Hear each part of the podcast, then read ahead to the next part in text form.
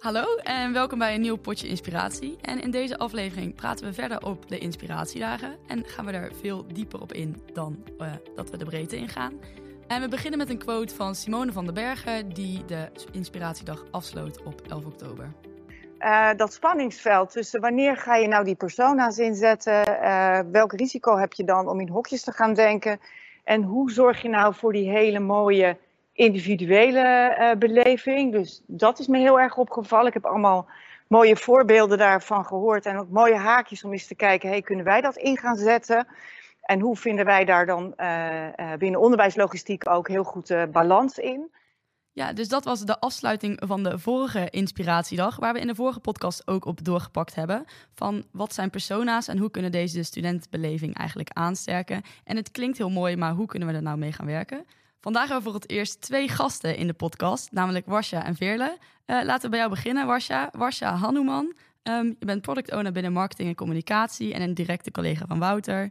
Maar weer zo'n dure term. Wat houdt dat nou eigenlijk in? Ja, um, nou, ik ben drie jaar geleden gestart als product owner, uh, inderdaad binnen marketing en communicatie, maar voor nu ook werkzaam binnen thema Student Journey.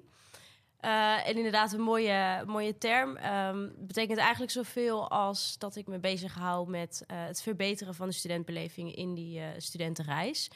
Um, en dat doe ik voor de student worden fase. We hebben de journey ingedeeld in worden, zijn en blijven. Um, en eigenlijk vooral integraal kijken naar hoe is die reis, hoe doorloopt de student die reis en waar liggen eigenlijk de kansen om het vanuit belevingsperspectief beter te doen. Ja, want de vorige keer hadden we het dan over de zijnfase en nu dus over de woordenfase. En ja. zie je dan ook al in dit verschil verschillende persona's? Um, ja, nou, op zich, een persona kan natuurlijk doorlopen. Dus die begint dan eigenlijk in die woordenfase, om zo maar even te zeggen. Um, daar hebben we vier persona's voor ontwikkeld. Um, en die kan eigenlijk natuurlijk doorlopen naar die zijnfase. En ja, die ontwikkelt zich ook verder. En je kan ook wisselen van persona's in je reis. Um, maar goed, de vier die ik heb uh, opgesteld, die, die gaan echt over de woordenfase. Ja, want de vorige keer zagen we dus het samen of het individuele en het actieve en het passieve.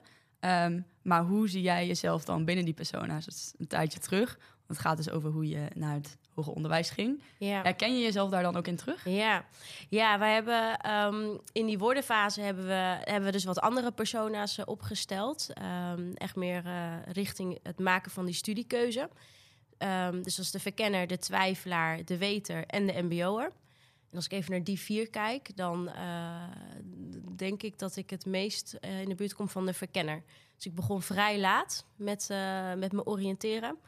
Um, en wist eigenlijk gewoon niet wat ik wilde. Ja, ik had mijn profielkeuze, um, dus dat was een beetje mijn vertrekpunt. En ik heb vooral heel erg gekeken wat anderen deden en uh, uh, de keuze die zij maakten. En ik heb, nou, ik heb voor communicatie gekozen, was heel breed. Dus ik denk, nou, daar uh, is vast wel werk in te vinden. En uiteindelijk beviel dat ook goed. En is er dan ook een moment dat je beide persona's hebt? Dus dat je ze wel nog eigenlijk bezig bent met die student-worden-fase, dat je misschien net gekozen hebt. Wanneer ga je dan over naar de studentfase? Of is het dan echt het moment dat je start aan je opleiding? Of, nou, we hadden hiervoor een voorgesprek, toen zei je de twijfelaar die blijft zelfs tijdens dienststudie nog aan het twijfelen. Dus is het dan het ene op het moment, andere moment dat dat overgaat? Nou, hoeft niet per se. Um, en ook niet per se dat je nog blijft twijfelen. Het is meer, dat kan. Um, maar je kan natuurlijk ook in je hele studentenreis... Dat je uh, nou ja, op een gegeven moment wel wat zekerder van je zaak wordt... of wat ijveriger of serieuzer... Uh, wordt en dus niet zozeer in, de, in, de, nou, in die verkennende fase blijft hangen. Dat is ook natuurlijk best wel persoonsgebonden uh, en, aan karaktereigenschappen. Um, en nou, voor mijzelf ook weer uh, ben ik wel naarmate ik zeg maar voor, vorderde in de studie, werd ik zelf ook wel uh, wat serieuzer, wat gestructureerder. Dus nou, dat is ook een beetje denk ik hoe je als mens je ontwikkelt. Ja, en, en hoe moeten we dat dan inzetten? Want ik kan me voorstellen dat de luisteraars denken, jeetje, er zijn, we hebben nu al acht persona's gehoord uh, en het past eigenlijk misschien nog niet eens helemaal binnen mijn tak van werken. Dus is het dan de bedoeling dat we stuk voor stuk weten wat voor persona's er zijn, dat we echt elke student ja, om het maar heel even bot te zeggen, in een hokje kunnen plaatsen? Of hoe, wat kun je daar eigenlijk mee? Ik denk uh, niet zozeer om in een hokje te plaatsen. Ik denk dat we dan een beetje te, te kort doen. Wij hebben het vooral binnen de student-worden-fase eigenlijk gebruikt. Um, ja, echt als gewoon helpend instrument. Dus we hebben de journey hebben wij in kaart gebracht. En dat hadden we in eerste instantie, in eerste instantie gedaan voor de havist. Um, maar daarvoor merkten we eigenlijk, nou dat is wel echt best wel smal. Uh, de doelgroep is breder dan alleen de havist. En ook binnen uh, de havisten heb je ook gewoon verschillen.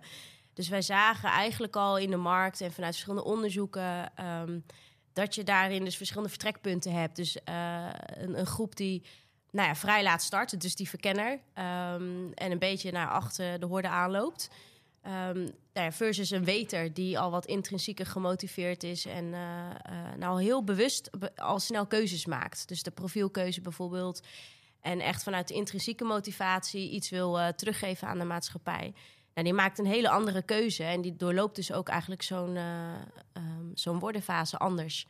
En de touchpoints, zeg maar, die ze, die ze doorlopen.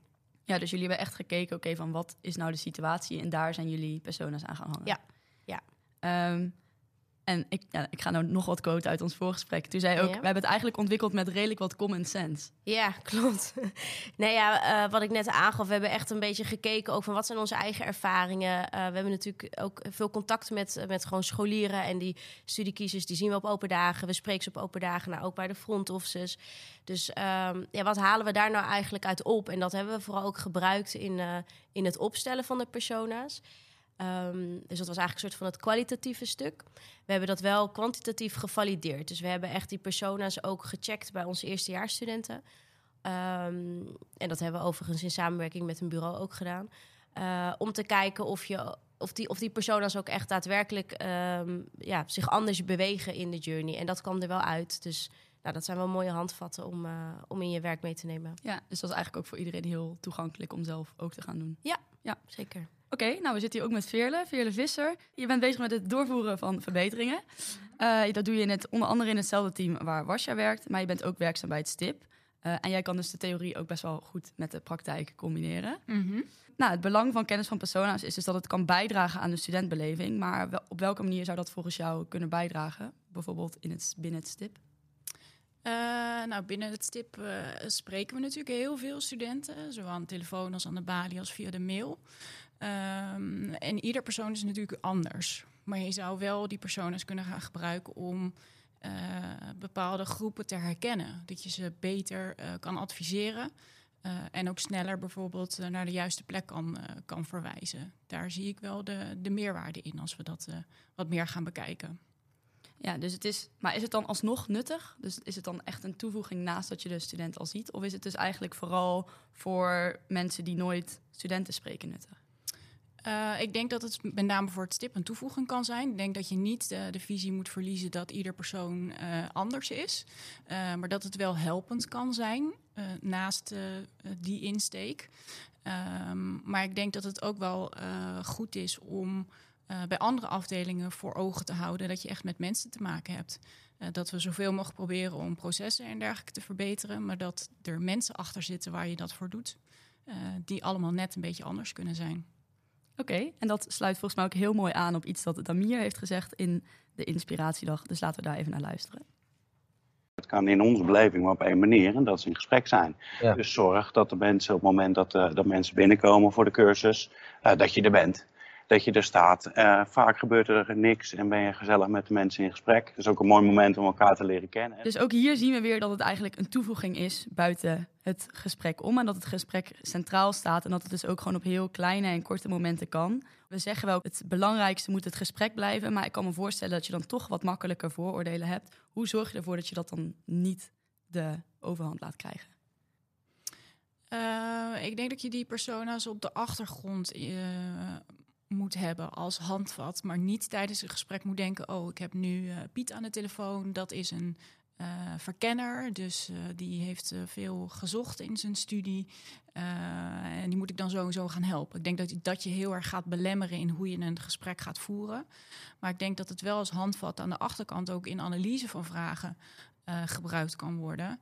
Ehm, ja, hoe je toch tijdens een gesprek bepaalde handvaten kan hebben. Hoe je zo iemand het beste kan helpen of waar iemand behoefte aan heeft. En op wat voor moment maak je dan die switch, dus dat je wel dat gaat inzetten? Um, ik denk op het moment dat iemand aangeeft dat hij uh, uh, moeite heeft met zijn studie, of als je ziet dat bepaalde onderwerpen moeilijk verlopen, um, ja, dat je daar dan uh, een handvat bij kan pakken van hé, hey, ik kan diegene op deze manier helpen, want die heeft dit voortraject doorgemaakt. Uh, of juist omdat je dit voortraject hebt doorgemaakt, uh, is het handig om met bijvoorbeeld een decaan te gaan praten of is een studiekeuzeworkshop te volgen. Oké, en ook Anneliese zegt het is eigenlijk gewoon een hulpmiddel. Ja, studententype of persona's, het is eigenlijk allemaal een soort hulpmiddel. Dus het is altijd vrij kunstmatige indeling. Maar het is bedoeld om uh, te helpen, zeg maar, om je te realiseren dat er verschillen zijn. Want we zijn, denk ik, uh, over het algemeen geneigd om te denken: de student of de studenten willen allemaal dit of hebben hier behoefte aan. En uh, dit soort personen of studenttypen kunnen juist helpen om je te realiseren van hé, hey, er zijn hele verschillende behoeftes. hoe kan je de studenten dan aangehaakt houden door middel van persona's als hulpmiddel? Ik wilde op zich wel uh, iets op zeggen, want ik denk dat er inderdaad een beetje verschil is ook tussen het gebruik van de persona's versus het persoonlijke contact. Um, want als je persoonlijk contact hebt, dan zou ik juist een beetje wegblijven van de persona's. Want nou, um, dieper dan persoonlijk contact krijg je dan eigenlijk ook niet. Um, en als ik kijk hoe we dat uh, als instrument hebben ingezet in die student worden fase, hebben we bijvoorbeeld bij het uh, opzetten van eigenlijk het hybride uh, concept voor de studiekeuze-events. Uh, toen zijn we wel naar die persona's gaan kijken. Omdat we eigenlijk dachten van hé, hey, um, en dan ben je echt bezig met content eigenlijk op de website. schrijf je dat nou voor één groep en maak je dezelfde content voor die groep? Of kan je daar wat nuances in maken? En nou, een beetje gelieerd aan die persona's zagen we van oké, nou als je dus nog geen idee hebt, dan willen we ze eigenlijk net wat andere stappen bieden. Um, dan als je wel al een idee hebt. Um, dus om dat even concreet te maken, hebben we gezegd: Nou, als jij net echt begint, dan bieden we jou uh, wat handvatten van nou, hoe maak ik nou eigenlijk een studiekeuze en welke eerste stappen moet ik dan zetten. En oké, ik heb dit profiel, um, dan past misschien deze interessegebieden voorlichting erbij. terwijl als jij al best wel weet van oké, ik wil uh, binnen de gezondheidszorg blijven, ja, dan kan je eigenlijk al wat sneller naar een opleidingsvoorlichting gaan. Um, dus zo hebben we eigenlijk ook de content wat meer toegespitst um, op die persona's en welke behoeften zo'n groep dan een beetje heeft. Maar ja, kom jij nou als persoon op een gegeven moment binnen bij ons op een open dag? Ja, dan maakt het eigenlijk niet heel veel meer uit van ben je nou weten of verkennen. Dan heb je gewoon jouw persoonlijke vragen en daar, daar vindt de persoonlijke interactie plaats. En dan ga je, um, ja, dan, ga je eigenlijk daar je merkwaarde laden uh, hè, van welkom en het, het stukje persoonlijk. En nou, echt luisteren naar wat iemand te zeggen heeft. Ja, dus persoonlijk contact staat eigenlijk altijd op één en de persona's zeker als vervanging daarvoor. Ja. Dus dat risico van hokjes plaatsen heb je dan dus eigenlijk ook niet, omdat dat niet, ja, als dat als tweede komt, dan heb je dus eigenlijk al een beeld van iemand voordat je iemand in een hokje kan plaatsen. Ja, ik zou in ieder geval het, het, het, het, het instrument van personen zou ik wel loslaten als je in persoonlijk contact bent met een student. Uh, dan gaat het vooral om het luisteren naar wat die student uh, op dat moment uh, te melden heeft. Ja. Ja, wat wel mooi is om daar nog op aan te vullen vanuit het Student Experience project, is dat je het, het instrument ook weer gebruikt om dingen in beeld te brengen. Uh, als je bijvoorbeeld heel vroeg een studiekeuze maakt, um, dan wil je misschien het proces van inschrijven veel sneller doorlopen dan iemand die heel erg twijfelt. En die alles last minute pas afrondt en misschien nog voor twee studies zich inschrijft. Uh, als je, zoals we nu gedaan hebben, dan de communicatie in beeld gaat brengen. Wat voor invloed heeft dat? Krijg je dan in één keer heel veel mail die je moet verstouwen als je bijna al gaat beginnen? Uh, of blijft het heel lang stil voordat je een volgende stap kan zetten? Daar kan je die persona's wel weer heel mooi in uh, gebruiken om die reis in beeld te brengen. Ja, dus het is eigenlijk vooral heel erg belangrijk om het ook los te kunnen laten. Dus het is echt een hulpmiddel waar je niet heel erg aan vast moet uh, klemmen. En dat is ook wat Anneliese weer zei tijdens de inspiratiedag.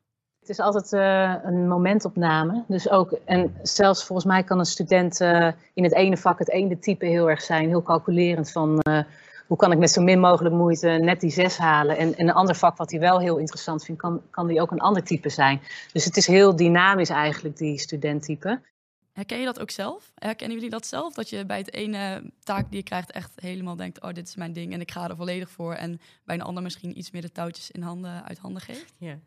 ja, volgens mij is dat een soort van inherent aan mens zijn. We zijn uh, niet zeg maar in alles eenduidig en doen altijd maar alles op dezelfde manier. Dat, uh, nee.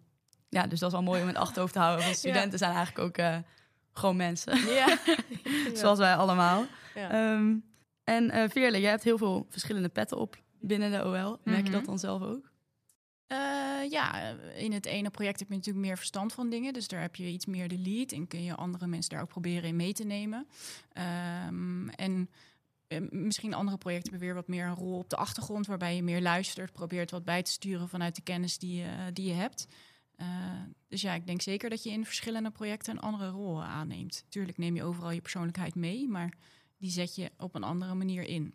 Ja, dus je wisselt zelf eigenlijk ook tussen persona's, alleen persona's die nog niet gedefinieerd zijn. Maar zou dat binnen onderwijslogistiek onderling dan ook als hulpmiddel kunnen zijn? Bijvoorbeeld bij alle veranderingen die we aangaan?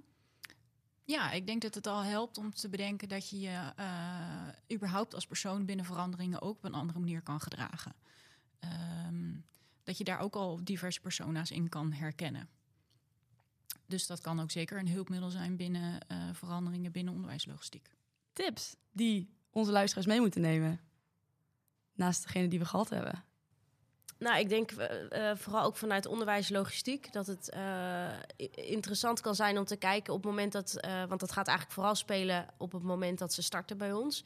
Um, om ook te kijken naar van kan je bepaalde groepen onderscheiden. Um, um, nou, met ook de persona's die we dan in ieder geval in die woordenfase al hebben opgesteld, maar ook de persona's die je eerder, eerder noemde. Um, zien we daar ook groepen zeg maar, uh, net wat anders in bewegen. En nou, vragen die dan ook net wat anders vanuit onderwijslogistiek waar we wat mee kunnen. Uh, en is dat soms wat meer een helpende hand uh, bieden als ze vastlopen. Um, of nou, een stukje wat meer begeleiding. Of ze juist wat sneller door een proces loodsen, om, omdat ze daar eigenlijk wel toe bereid zijn. Um, dus niet zeg maar één uniform proces voor iedereen. Ik denk dat daar wel best wel kansen uh, kunnen liggen. En vooral ook naar zo'n zo persona überhaupt het opstellen. Uh, dat is wel een beetje vanuit meer common sense en eigen ervaring doen... dan dat het allemaal heel, nou ja, volgens hele formele eh, processtappen of iets moet. De, ja, dat zou ik wel een beetje loslaten. Dat uh, vind ik een mooie. En dan sluit ik nog even af met een quote van Richard Versteeg. Hij zei: Ik spreek eigenlijk nooit een student in mijn werk, maar we zijn wel continu met ze bezig. Dus in het kort, het is denk ik belangrijk om te onthouden dat het een hulpmiddel is en dat het gesprek dus centraal staat. Zowel het gesprek met de student, uh, maar ook tussen collega's onderling. En dat we eigenlijk allemaal, de studenten, medewerkers, wie dan ook, gewoon heel makkelijk kunnen wisselen tussen verschillende persona's soms. 8 december zijn we met elkaar in gesprek gegaan en verschillende takken hebben we gemixt tijdens bijvoorbeeld de pubquiz en de speld. En de speld hebben we gevonden in de Huberg. En op 14 februari, op Valentijnsdag, hebben we weer een nieuwe inspiratiedag. En we hopen je dan te zien. En dan zijn we er ook weer met een nieuw potje inspiratie. Tot dan.